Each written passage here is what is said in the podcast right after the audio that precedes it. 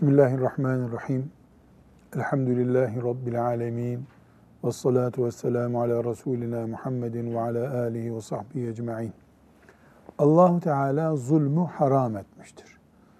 Zulüm haksız yere yapılan her harekettir. Parayla yapılır, elle yapılır, işgalle yapılır, sözle yapılır, kaş göz hareketiyle yapılır, tavırla yapılır. Zulüm bir insana veya bir canlıya eziyet etmek demektir. Haksız iş yapmak demektir. O kadar ki insan kendine bile zulmeder. Can taşımıyor mu herkes? Zalim kendine de zulmedebilir. Bu sebeple zulüm haramdır. Ebediyen mümin zulümle kontak kurmamalıdır. Zulümle anılmamalıdır. Hadis-i şerifler, bu mübarek hadis-i şerifler bize bu gerçeği hatırlatıyor. Zulümden kurtulmuş müminler olmamız lazım. Şimdi okuyacağımız 220. hadis-i şerif Riyaz Salihinde inşallah e, kimimizin üzerinde bulunabilecek veya pek çok insanın sorunu olacak bir konuyu ikaz ediyor. Rabbimin lütfu ve inayetiyle e, zulüm yapmaktan korunacağız. Ancak muhakkak hatırlamamız gereken bir gerçek var. Lütfen zalim deyince hep Ebu Cehil'i hatırlamayalım. Zalim Ebu Cehil, zalim Ebu Leheb. Doğru bu kavramlar yerini buluyor. Bunda haklıyız. Ama zalim baba da olur. Zalim evlat da olur. Zalim komşu da olur. Zalim koca, zalim kadın olur. Zalim öğretmen olur. Zalim imam, müezzin olur. Zalim siyasetçi olur. Zalim arkadaş olur. Bir insanla ilişkide yapılan haksız her şey zulme götürür. Ve bunu yapan herkes de zalim olur. Dolayısıyla eğer şeytan becerip zulüm ve zalim deyince sadece Ebu Cehil'i, Hitler'i, Mussolini'yi bize hatırlatıyorsa, mahalle muhtarının haksızlıklarını hatırlatmıyorsa e, yanlış anlıyoruz demektir. Yanlış. Öğretmen de zalim olur. Şüphesiz insan öldürenle küçük bir kabahat denecek kabahati yapanın zulmü aynı değil. Ama adı zalim. Bu bir. İki, şunu da düşünmemiz lazım. Kıyamet gününe sadece büyük davalar mı taşınacak? Sadece Mussolini, Hitler mi kıyamet gününe taşınacak? Zulüm davaları olarak.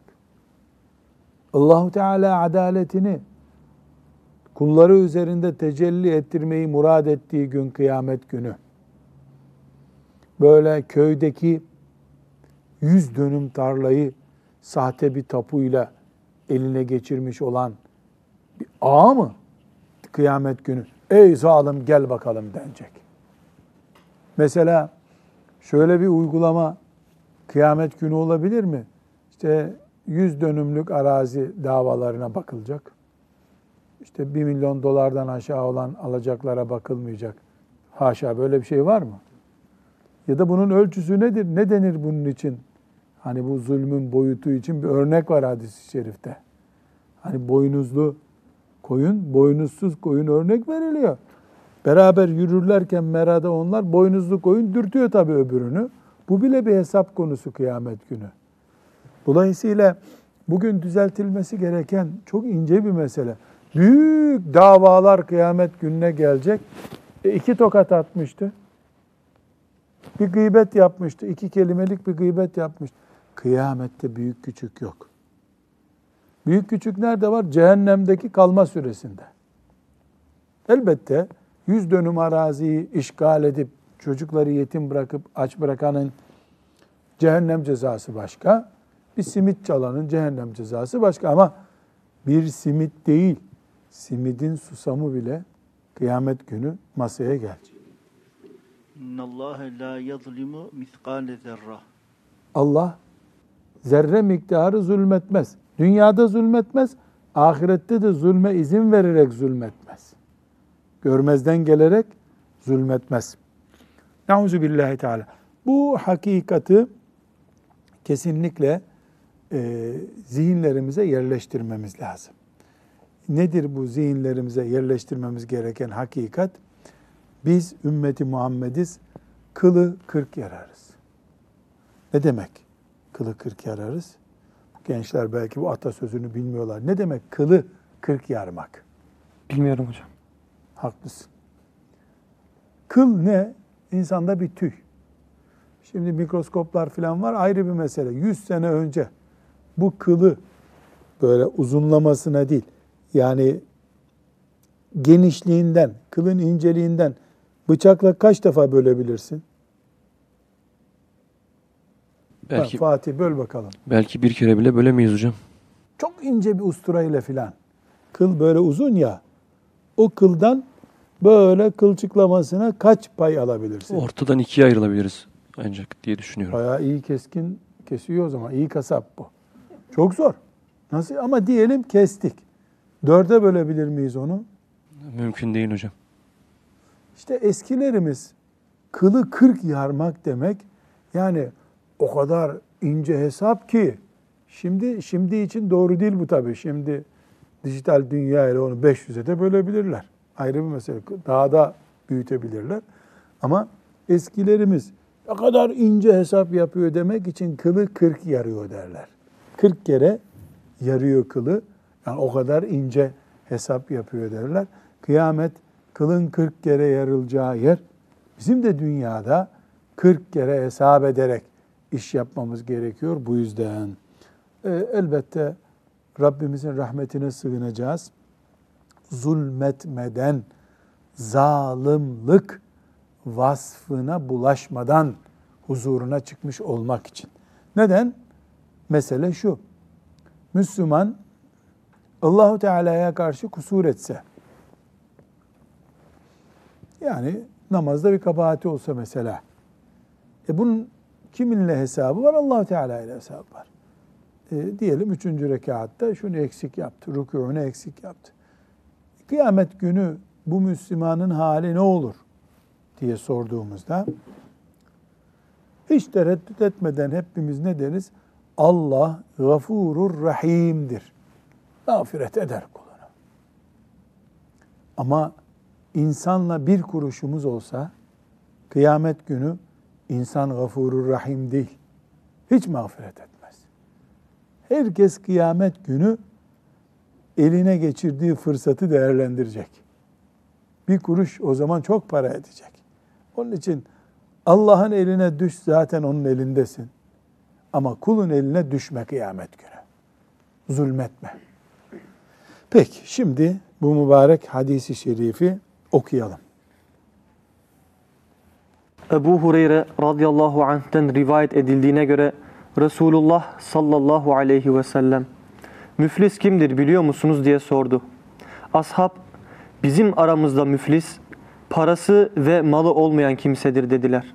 Resulullah sallallahu aleyhi ve sellem şüphesiz ki ümmetimin müflisi kıyamet günü namaz, oruç ve zekat sevabıyla gelen fakat şuna sövmüş, buna zina, isnat ve iftirası yapmış, şunun malını yemiş, bunun kanını dökmüş, şunu dövmüş olup da iyiliklerinin sevabı şuna buna verilen ve üzerindeki kul hakları bitmeden sevapları biterse hak sahiplerinin günahları kendisine yükletilip sonra da cehenneme atılan kimsedir buyurdular. Sallallahu aleyhi ve sellem Müslim ve Tirmizi'nin rivayet ettiği bir hadis-i şerif bu. Ee, çok kolay anlaşılacak bir şey ama ağır bir hadis. Müflis, iflas eden adam demek. Müflis, Arapça bir kelimedir. iflas eden adam. Bakkal işletiyor. Borçlarını ödeyemedi. Bir gün bakıyorsun kapattık yazıyor. Yani iflas etti deniyor. İflas etti. Peygamber Efendimiz sallallahu aleyhi ve sellem ashabına sormuş ki müflis kime diyorsunuz siz? Buyurmuş böyle sorduğuna ashab-ı kiram da cevap vermişler. Ya Resulullah demişler. Bir insanın malı olur. Ticaret yapar. Bir günde malını kaybeder. Ticaret yapacağı malı kalmayınca iflas etti, müflis oldu deriz diyorlar. Efendimiz sallallahu aleyhi ve sellem hayır. Asıl müflis kim biliyor musunuz buyurmuş. Şu ibadetlerden, namazdan, Kur'an'dan, hacdan yapmış, yapmış, yapmış, biriktirmiş. Koca koca ibadet sevapları kıyamet günü gelmiş. Cennete girmek için gerekli bütün sevaplar hazır. Ama başka bir problem var.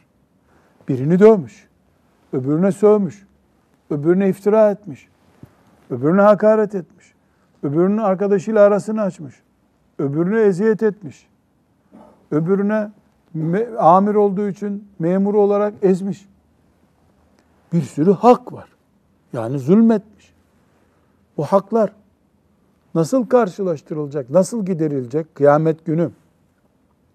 Helalleşin bakalım dense, helalleşmesi kimse. Ne olacak? Bu Müslümana sövmüş. allah Teala o gün buyuracak ki mesela, bilmiyoruz bu rakamı tabi. Kim kime sövdüyse yüz vakit namaz versin buyuracak. E bir misal yani. Belki bin vakittir. Belki de elli vakittir. Yüz defa birilerine sövmüş bir Müslüman, kıyamet günü o kıldığı namazlardan her sövdüğü insana verecek. On defa sövdüyse on defa verecek.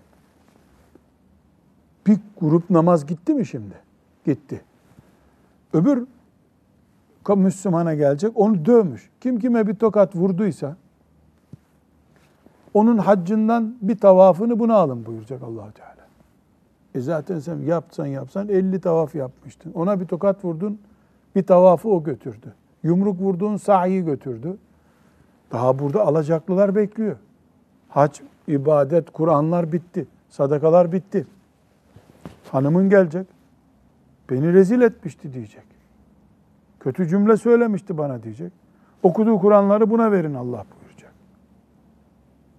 İcra gelip de evden alıp götürmüyor mu buzdolabını? Çamaşır makinesini alıp götürmüyor mu? Bu da öyle. Bunun üzerine bitti sevaplar ne olacak? Helalleşme sağlandı mı? Yok. Daha duruyor. Bu ikisi kaldı. Sevap yok almak için. Bu ne vardı? Maazallah içki içmişti. O içkinin 5 litresini günahını buna verin Allah buyuracak. Sevabın yok madem. Bu da birilerine küfür etmişti. Onun günahlarından da buna verin. Ya bu adam kıyamet günü tam cennete girecek kadar sevap biriktirip gelmişti. O sevaplar gitti. Bir de cehenneme girmek için günah geldi sırtına şimdi.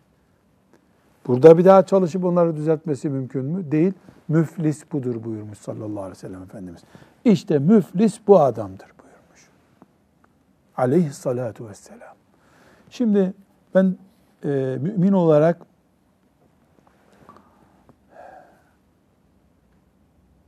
bir hakikati kendi nefsimden tefekkür ediyorum. Bu hadisi şerifi ben dinledim. Kardeşimiz okudu. Hepimiz dinledik. İflas kelimesini hatırladıkça kıyameti hatırlamıyorsam, sinirlenip birisine tokat vurup küfür etmek gerekeceğini düşündüğüm zaman eğer bu hadisi hatırlayıp o gün iflas etmek var deyip kendimi zapt edemiyorsam bu hadisi roman gibi okudum demektir. Ashab-ı kiram Allah onlardan razı olsun. Böyle mi dinlemişlerdi hadisi şerifleri? Hayır. O dinledikleri hadisten sonra bir daha o bataklık onlara yanaşamadı. Yüzde yüz nefislerini o işten arındırdılar. Sahabe farkı bu. Allah onlardan razı olsun. Biz bu hadis-i şerifi duyduk, iflas hadisini. İnsan eşine, çocuklarına, kimle böyle bağlantısı varsa, arkadaşlarına, iflas açısından borcu varsa kıyamet günü şüphe var mı ona allah Teala'nın böyle bir muamele yapacağında? Yok. Peygamber sallallahu aleyhi ve sellem böyle haber veriyor. E bu Müslümanın buna itimadında şüphe var mı? Var.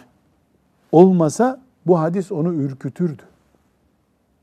Biz binlerce hadis dinleyip, binlerce ayet dinleyip bildiğimiz gibi yaşayamayız. Onu Hristiyanlar öyle yapar. İncil'i istedikleri gibi okurlar çünkü uyduruk İncil o. Tevrat'ı istediği gibi okur Yahudiler, bildikleri gibi de zulmederler. Biz binlerce ayet, hadis dinleyip bildiğimiz gibi yaşayamayız bir daha. Ne, ne kıymeti kaldı Müslümanlığımızın o zaman? İnşaallahu Teala bu müflis hadisini bu pencereden ele alacağız. Tabii ne olacak? Cehenneme girecek. Sonucu ne bu adamın? Cehenneme girmek.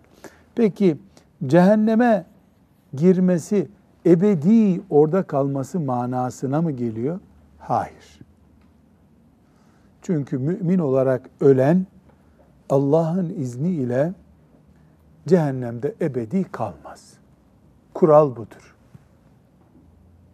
Temel bir kuraldır hem de. La ilahe illallah Muhammedur Resulullah diyen kalbinde de bir sorun yok. Şarap fıçısının içinde ölse cennete girer yine. Sonunda yani girer. Velev şarap fıçısının içinde ölsün. Velev meyhanenin içinde ölsün. Neuzubillah. Peki dirilir dirilmez mezardan mı cennete girer? Yok öyle değil. Allah gafurur rahimdir. O da olur belki ama e, ne zaman girer onu bir Allah bilir. Ne yanar, ne tutuşur, ne kavrulur cehennemde onu Allah bilir. Neuzu billahi teala. Biz neye inanırız?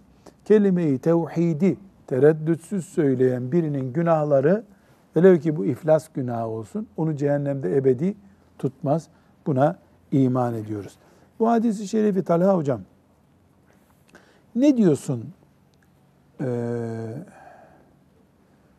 yani hayatımızın içinde bir otobüs durağında bekleyen insanlardan tutalım. Gelin kaynana ilişkilerinden alalım. Abi kardeş ilişkilerinden alalım. Sen hoca efendisin, hocalık talebelik ilişkilerinden, kendin talebeyken hoca olanlarla ilişkilerinden, karı kocalık ilişkisinden, komşuluk apartman ilişkisinden böyle bir topluca bir kuş bakışı bir bak bakalım.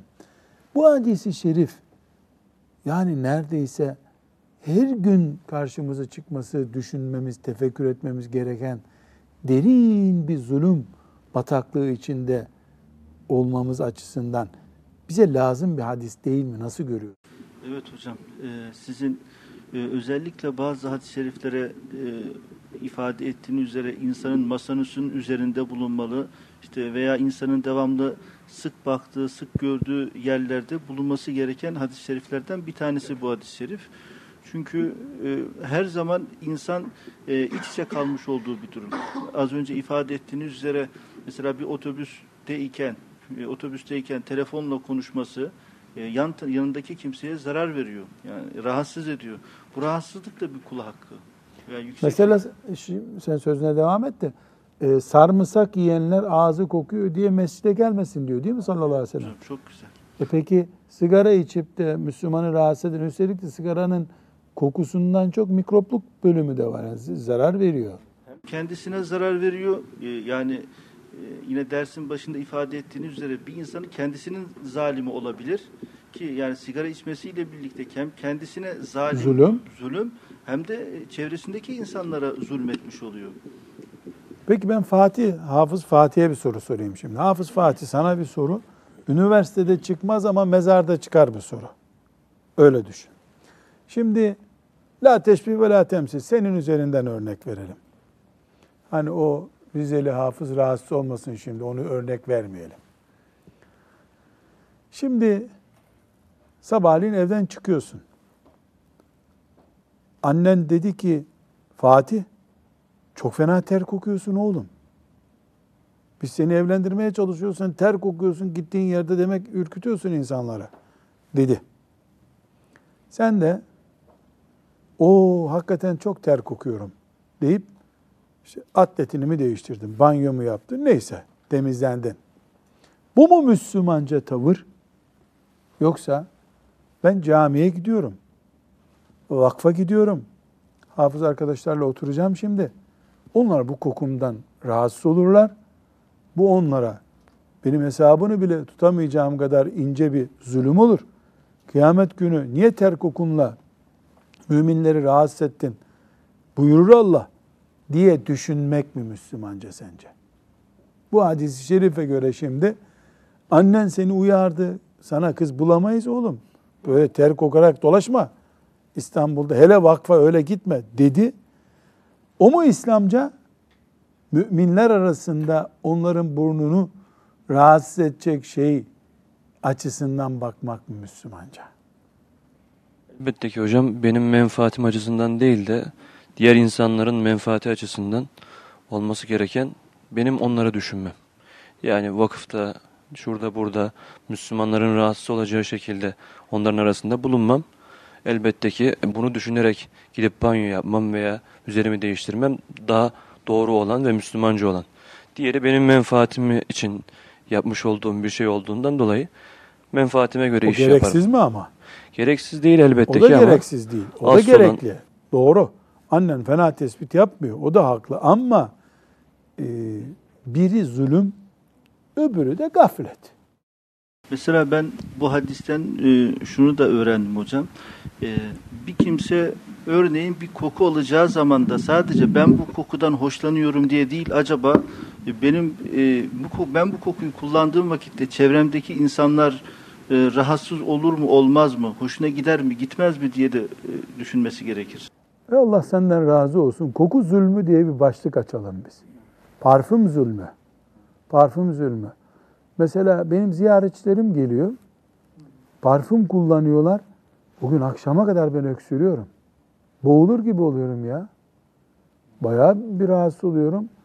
Ee, yani hatta böyle bir hastaneye mi gideyim diye düşünüyorum. Saatlerce geçmiyor. Allah'ım ya Rabbim bu ne biçim parfüm sürerler böyle. Hatta kimyasal zehirlemeye mi geldiler beni diye de böyle bir aklıma geliyor. İnsan böyle parmağının ucuna biraz değdirir. Hafif bir sağına soluna sürer. Yani çok dikkat edersen kokarsın. Bu şimdi bir de hacı kokusu diye bir şey çıkardılar. Onu sürmek de sünnet. Hacı kokusu dediğin zift artığından yapılıyor herhalde. Zift, bildiğin zift.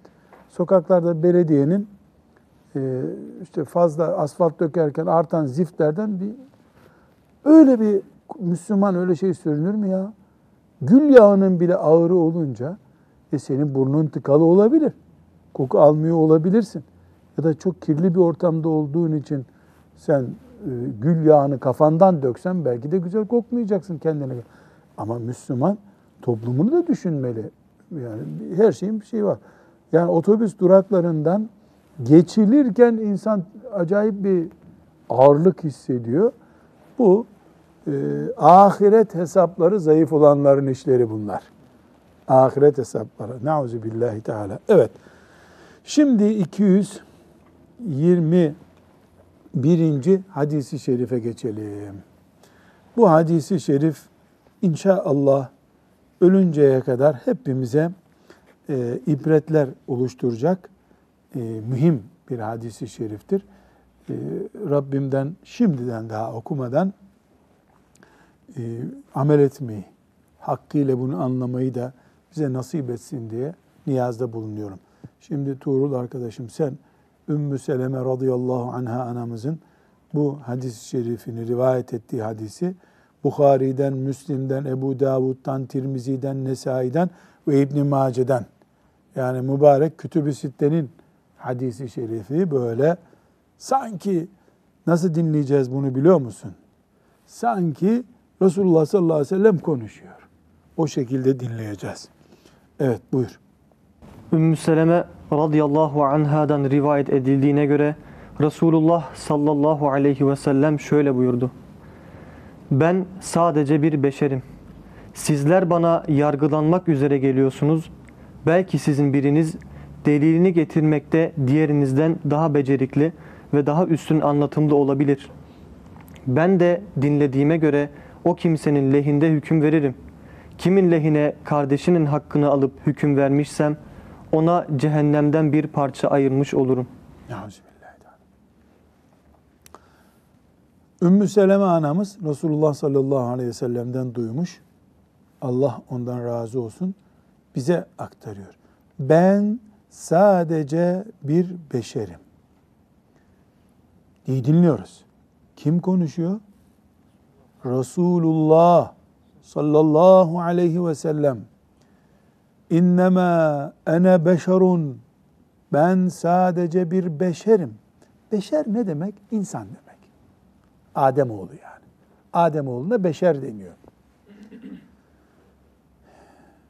İnnemâ ene beşerun. Ben sadece bir beşerim. Allah vahiy getirdiği için, gönderdiği için bana peygamber oldu. Peygamber olmuş olması sallallahu aleyhi ve sellem Efendimizin bizim ona iman etmiş olmamız onu melekleştirdi mi? Ölüm ölümsüzleştirdi mi? Hasta olmasını engelledi mi? Gülmesine mani oldu mu? Ağlamasına mani oldu mu? Mübarek gözlerinden pırlantalar gibi damlalar damlamadı mı oğlu vefat edince? Amcasına ağlamadı mı? Hanımı, anamız Hadice'ye ağlamadı mı radıyallahu anh cemiyen? E Resulullah sallallahu aleyhi ve sellem beşer. Ben sadece bir beşerim. Devam. Sizler bana yargılanmak üzere geliyorsunuz. Ne demek? İki kişi çıkıp bana geliyorsunuz. Derdinizi anlatıyorsunuz. Resulullah'a gidelim. Hakem olsun bizi diyorsunuz. Ben de sizi dinliyorum. Delilini getirmekte diğerinizden daha becerikli ve daha üstün anlatımlı olabilir biriniz. Sizden biriniz lafazan bir tip konuşmaya başladı mı bu haklı diyorsun hiç öbürünü dinlemeden. Lafı yuvarlıyor, yuvarlıyor, yuvarlıyor. Tamam tamam haklısın diyesin geliyor. Öbürü de edebinden peygamberin önünde fazla konuşmayayım diye dikkat ediyor. Ya da adamın yaratılışında böyle saatlerce konuşmak yok. İkiniz bana geldiniz. Biriniz çok lafçı, öbürünüz de gariban bir tip olabilir. Ben de, bak şimdi dikkat et, ben de dinlediğime göre o kimsenin lehine hüküm veririm. Ne demek lehine hüküm veririm? Bu adam bir başladı makine gibi konuştu ya. E, herhalde haklı zannettim. Kim ama? Peygamber sallallahu aleyhi ve sellem. Şimdi bunu inceleyeceğiz. Çok ciddi incelikler var burada. Yani rahmeten lil alemin. E, seyyidül evveline vel ahirin. İnsanlığın tamamının efendisi. Cebrail aleyhisselam önüne diz çökmüş onun. Mi'raç görmüş. Sirretül müntehaya geçmiş. Ama insanlık yakmamış ki. insan. Burada geldi, konuştu. Birine dedim, niye böyle oldu? Aslında ben de tam anlamadım niye böyle olduğunu diyecekti. Öbürü bir başladı lafa. Şöyleydi, böyleydi, şunu etti, bunu etti. Oo, bu haklı, bu haksız. Zannetmiş olabilirim. Sallallahu aleyhi ve sellem buyuruyor. Kimin lehine kardeşinin hakkını alıp hüküm vermişsem aldanıp da aldanma demeyelim. Peygamber Efendimiz sallallahu aleyhi ve sellem için aldanma pek uymuyor. Yani kelimenin manası var fakat bu, bu ortamda uymuyor. Ee, kimin sözüne inanıp da sen haklısın dediysem haksız olduğu halde ona cehennemden bir parça ayırmış olurum. Tamam bu senindi dedim ama sana cehennemi verdim aslında. Bu hadisi şerif 221. hadisimiz pek mübarek hükümler ihtiva ediyor. Burada arkadaşlar çok önemli bir notu defterinize yazınız. Musa aleyhisselamı Yahudiler la'anehumullah yerden göğe kadar lanet olsun o hakaret edenlere Musa aleyhisselamı arkadaş yerine koydular. Bir peygambere değil, bir hoca efendiye bile yapılmayacak kadar hakaretli davrandılar. Musa aleyhisselam hem sözleriyle, hem davranışlarıyla, hem refleksleriyle. Musa aleyhisselamı tabiri caiz ise perişan ettiler. Yahudiler. Hristiyanlar ise İsa aleyhisselamı Musa aleyhisselam gibi yapmadılar. Tam aksine ilah yaptılar. İlahlaştırdılar. Yani deyim yerindeyse biri yerin dibine batırdı, biri buharlaştırdı. Ne Yahudilerin yaptığı doğru kabul edilebilir bir şeydir ne de Hristiyanların yaptığı kabul edilebilir doğru bir şeydir. Doğrusunu kim yaptı? Ashab-ı kiram. Allah onlardan razı olsun. Resulullah sallallahu aleyhi ve sellemin arkadaşları. Yüzde yüz Allah'ın murad ettiği gibi yaptılar. Ne yaptılar? İnsan olarak bizim gibi bir insansın dediler. Allah da öyle diyor zaten. İnnemâ ene beşerun mislukum yuhkul innemâ ene beşerun mislukum yuha iley. De ki ey peygamber ben de sizin gibi bir insanım ama bana vahiy geliyor. Farkımız o. Size de vahiy gelse aynı olacaksınız benimle demek. Ashab-ı kiram Efendimiz sallallahu aleyhi ve sellemin arkadaşları ciddi bir şekilde beşer muamelesi yaptılar. Ama kendileri gibi de görmediler onu. O vahyin getireceği ağırlığı unutmadılar. Meşhur bir beyit var ya Muhammedun beşerun la bel la kel beşer bel huve yakutun beynel hacer. Öyle midir o beyit? Muhammedun beşerun la kel beşer fehuve kel yakuti beynel hacer. Muhammed de beşer arasında bir beşer ama taşlar arasındaki yakut taşı gibi. Çok güzel benzetmiş. Allah rahmet eylesin. Kim benzettiyse e, bu kadar olur yani. Tarif bu kadar olur. Muhammedun beşerun la kel beşer bel huvel kel yakuti beynel hacer.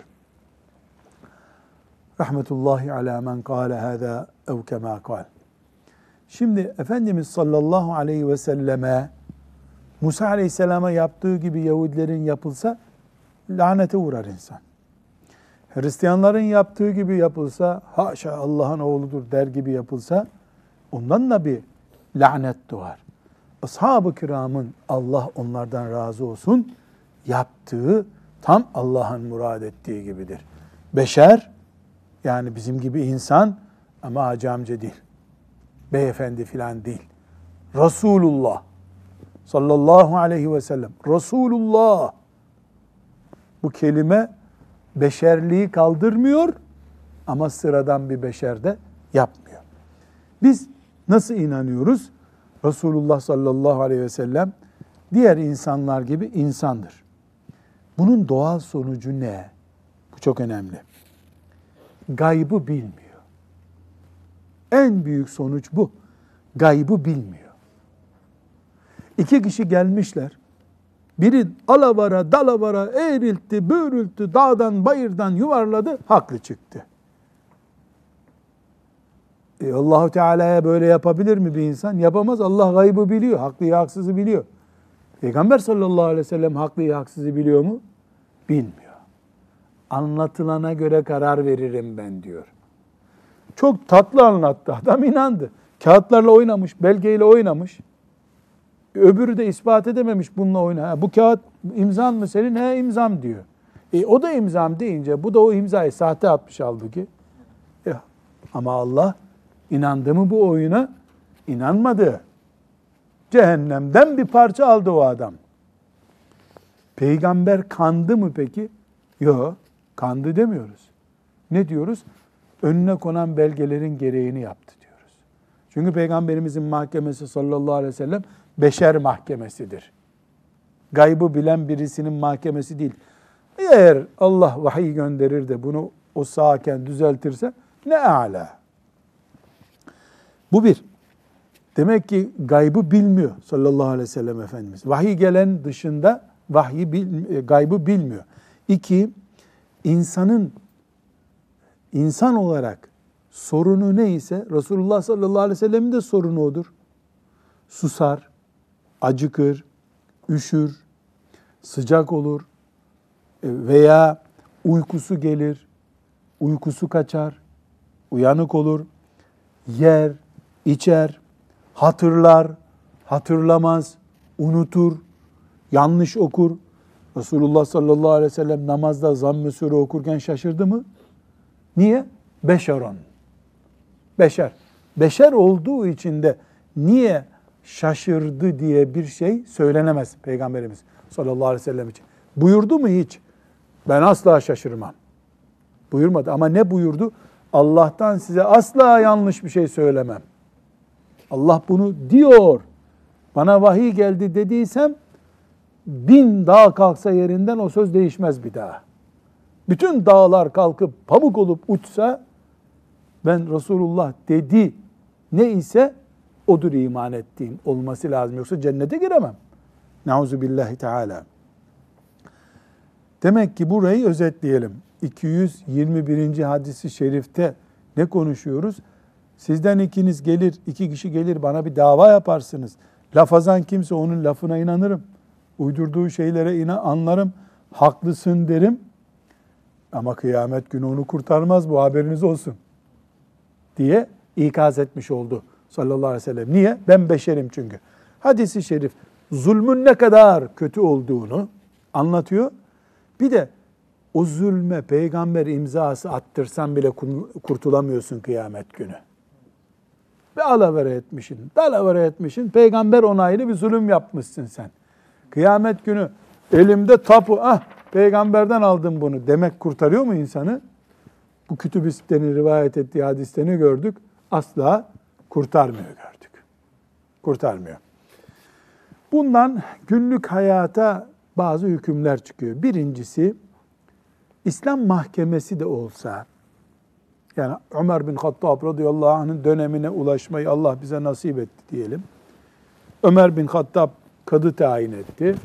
Ee, o da hükümler veriyor. Biz de gittik, müracaat ettik. Onlar herkes yüzeysel karar verecek. Beşer insanların kalbine, beynine bakıp bir şeyi değerlendiremez. Karar yüzeyseldir.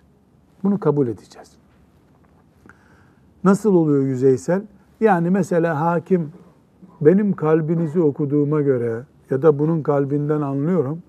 içinde bunun haksız bu. Böyle bir karar İslam kararı olamaz. Peki bunu bizi ilgilendiriyor mu? İlgilendiriyor tabii. Nerede ilgilendiriyor? Şimdi burası hep bekarlar değil mi? Bunlara demeyelim bu sözü. Mesela Hasan Hoca ile siz bir aile mahkemesine gittiniz. Karı kocayı sulh edeceksiniz. Sizin önünüze konan belgelere göre konuşursunuz siz. Ben aslında anlıyorum bu kadın haksız. Nereden anladın? Tipine bak ya. Seni ilgilendiriyor mu onun tipi konuştuğu? Hakim oturur, gözüyle gördüğü önüne konan belgelerle karar verir. O anlatır derdini, sen de anlatırsın. Duyduklarına göre karar verirsin. Bu devletin mahkemesinde de böyle. İki çocuk arasında barış yaptığın zaman da böyle bu. Senin gözlerinden şeytanlığın okunuyor zaten. Dedin mi şeriata aykırı iş yaparsın. Efendimiz sallallahu aleyhi ve sellem zulmetmiş olursun. Bu. İkinci meselemiz diyelim ki bu hadisten ne anlıyoruz? Mahkeme haklı dedi. Ama sen haksızsın. O sana helal yapmıyor o işi. Yani bu tarla sana kalmış olması lazım dedi.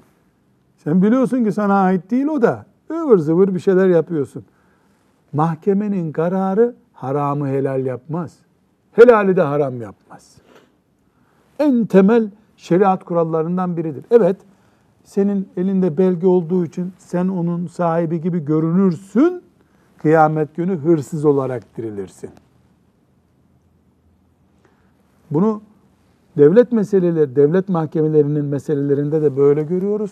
Biraz önce söylediğim gibi yani neticede e, üç kişilik, beş kişilik bir aile mahkemesine gittiğimizde oluyor değil mi? Çağrılıyorsun Talha Hoca böyle şeylere. Örneklerini sen de görüyor olman lazım.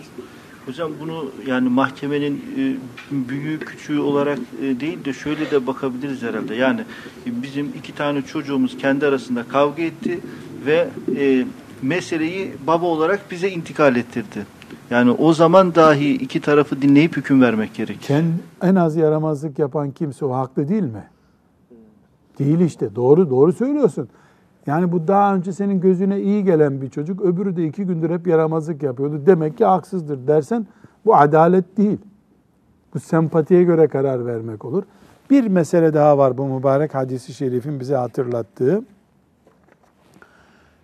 Resulullah sallallahu aleyhi ve sellem Efendimiz ben beşerim sizin gibi. Biriniz gelir tatlı söz söyler de beni inandırır da diye başladığı bu hadisi şerifinde ümmetinin geleceğine sinyaller yakıyor. Nedir o yaktığı sinyaller? Yani bu ümmetin geleceğinde demek ki lafazan adamların, evraklarla oynayan adamların veyahut da iş görüp rüşvet verip kendisini haklı çıkaran adamların zalimler olarak çıkabileceğini haber veriyor. Çocuğun babası öldü. Annesi zaten evrak işlerinden anlamıyor. Abla sen bir imza at da abimin e, belediyedeki işlerini halledeyim dedi. O attığı imza kadının meğer ki eldeki bütün dairelermiş. Noterde gitmiş anlamadan imza atmış. E tabi onu orada ikaz etmeyen noter de Allah katında mesul. O adam zalim. Efendimiz sallallahu aleyhi ve sellemin bu hadisi şerifini noterler de gözünün önünde tutmalı. Böyle bilhassa yetimlerin işleriyle uğraşanlar, amcalar, dedeler çok dikkat etmeli. Ve sallallahu ve sellem ala seyyidina Muhammedin ve ala alihi ve sahbihi ecma'in velhamdülillahi rabbil alemin.